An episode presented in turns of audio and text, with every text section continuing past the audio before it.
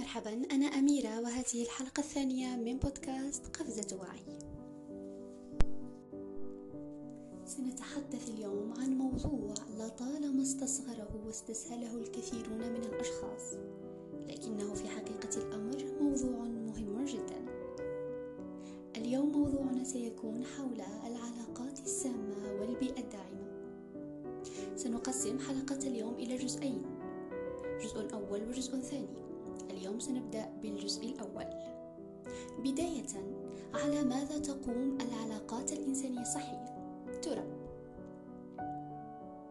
تقوم العلاقات الإنسانية الصحية على أسس من الاحترام المتبادل والرعاية المشتركة ببساطة أخذ وعطاء بقدر متوازن أوكي؟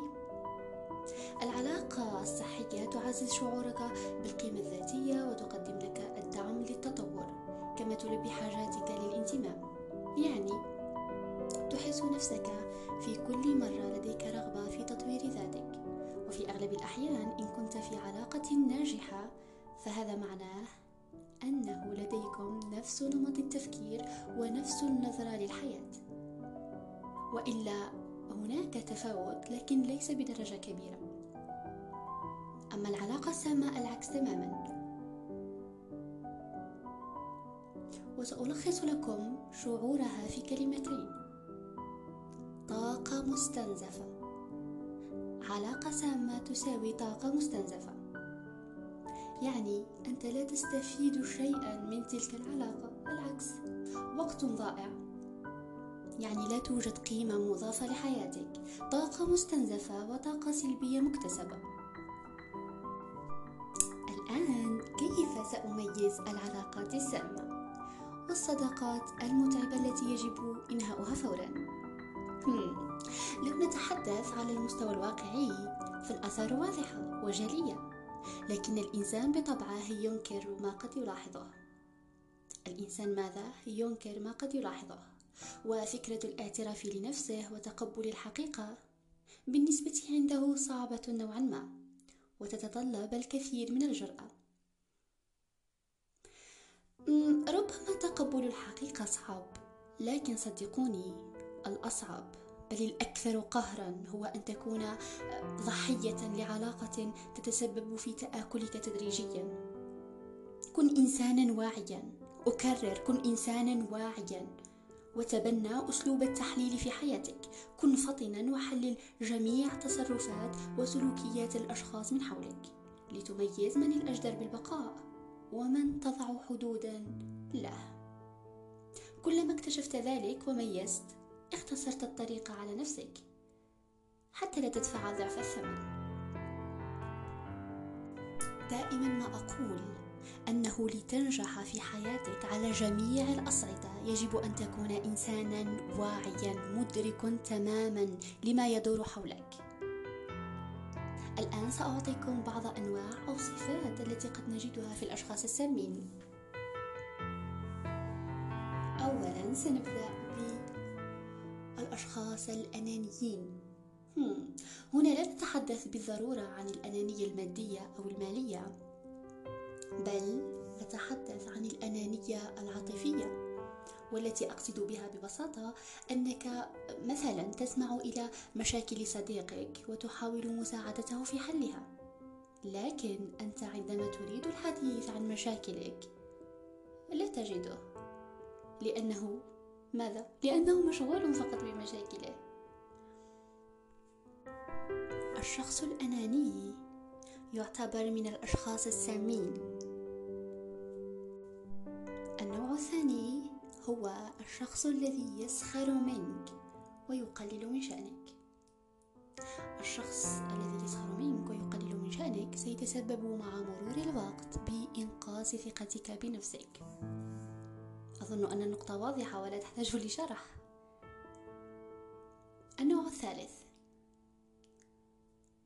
الشخص المصلحجي كما أحب مناداته أو الشخص الذي يستخدمك إذا شعرت أن شخص آخر يستخدمك كوسيلة يلجأ إليها عندما يكون بحاجة لأمر ما أو أنه يستغل سمعتك أو مالك أو يحاول الوصول من خلالك إلى غايات أخرى. يؤسفني أن أقول لك أهرب بجلدك فورا لا تنتظر. سأخبركم الآن عن شيء أو سبب يجعلكم تفكرون إن كنتم في علاقة سامة أم لا. على الأغلب إن كنت في علاقة سامة فلن تعرف لماذا أنتم أصدقاء. ببساطة إذا لم تتمكن من إيجاد أسباب تجعلكما أصدقاء فأنت حتما في علاقة سامة لأن العلاقة الحقيقية تخبرك دائما بأسباب وجود الأصدقاء. أما العلاقات السامة فالمتحكم فيها الظروف والعادة فقط. تحدثنا الآن عن أربع أنواع التي قد تكون مشتركة بين جميع الناس والتي قد يتفق جميع الأشخاص على أنها آه، صفات من صفات الأشخاص السامين. الآن سأحدثكم عن ثلاث صفات لأشخاص بالنسبة إلي أعتبرها جرس إنذار أوكي؟ أعتبرها جرس إنذار. الشخص الأول هو الشخص الذي يحبذ بقاءك في نفس المستوى. أي بمعنى آخر لا يريد رؤيتك تتحسن. ستقولون كيف؟ لا تقلقوا سأعطيكم أمثلة. إذا أخبرت صديقك بأنك ستتبع حمية غذائية لتصبح بقوام رشيق لأن هذا من شأنه أن يزيد من ثقتك بنفسك. باختصار لأنها ستساهم في تحسن حالتك النفسية. الصديق الحقيقي من دون شك سيدعمك ويشجعك. وسيتجنب جميع الأمور التي قد تسبب لك الإحباط أو تثبط عزيمتك. أوكي؟ بينما الشخص السام سيخبرك بأنه لا داعي لذلك وبأنك جميل في جميع حالاتك وأنت جميل هكذا وربما سيتعمد. الأكل أمامك ليثير غريزتك نحو الأكل وفي النهاية سينجح في جعلك تفشل. هذا المثال صالح لجميع الأمور الأخرى. مثال آخر. إذا أخبرت صديقا بأنك تريد تعلم اللغة الإسبانية مثلا ماذا تتوقع من النوعين أن يقولا؟ سأجيبك. الحقيقي يا عزيزي سيقول لك أحسنت جيد اللغة مطلوبة وهذا أحسن قرار. أما الآخر سيقول لك الإسبانية جميلة. لست مضطرا لتعلمها. لا داعي لذلك. أنت تعرف الفرنسية والإنجليزية هذا يكفي. أرأيتم؟ الكثير منكم الآن سيستغرب لأنكم أنا متأكدة أنكم صادفتم هذا النوع من قبل لكن لم تفكروا بالأمر وتقبلتموه بشكل عادي. لكن شخصيا أرى أن المبرر الوحيد لمثل هذا الكلام في هكذا مواقف هو أن ذلك الشخص يخيفه. ويرعبه تطورك وتقدمك. يحب أن يراك دائما في نفس المستوى معه لتكون متكافئا ببساطة.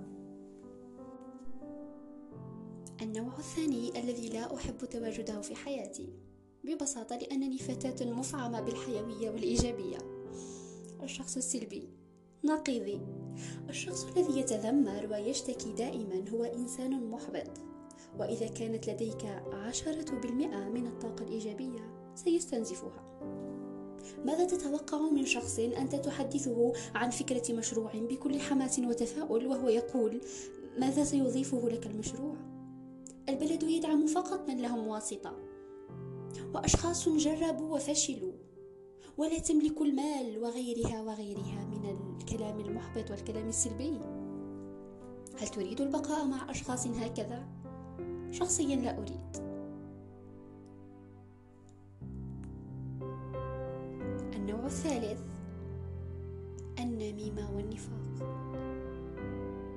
شخصيا سمعت إحدى المرات زميلة تتحدث عني بالسوء وهي تبعدني بمتر واحد. ألكم أن تتخيلوا مترا واحد؟ يعني بدون حتى الخوف من أن أسمعها. تخيل كنت هناك وتحدثت. ترى عندما أكون غائبة ماذا ستفعل؟ أتوقع أن تكون قد وضعت مقالات وحررت جرائد. مررت بموقف آخر أيضا وهو زميلة لي تتحدث عن زميلتنا الثالثة. أوكي زميلة لي تتحدث عن زميلتنا الثالثة بالسوء. وبعد يومين أجدها تقبل فيها وتحضن ويا قلبي ويا حياتي ويا عمري. في ذلك الوقت شاهدت عدة مواقف مماثلة لكن كلها لم أعرها أي انتباه واهتمام لكن في أحد الأيام جلست أفكر مع نفسي. وفي تلك الفترة التي فكرت فيها مع نفسي شاهدت أو لاحظت نقلة في وعي. وكان ذلك السبب الرئيسي في أنني أفكر مع نفسي وأحلل. ماذا استنتجت؟ حسب رأيكم. استنتجت أن ما دام ذلك الشخص يتحدث بالسوء عن شخص آخر أمامي فمن الطبيعي والبديهي أنه يتحدث عني مع نفس الشخص. ثم يستقبلني غدا بالقبولة والأحضان. أوكي؟ وهذا بالضبط ما جعلني أتعمد قول كلمة زميلتي وليس صديقتي كما كنت أظن. وبهذا نكون قد أنهينا أنواع وصفات الأشخاص السامين ونكون قد أنهيناها بأخطر نوع وهو النوع المنافق والذي ينمم.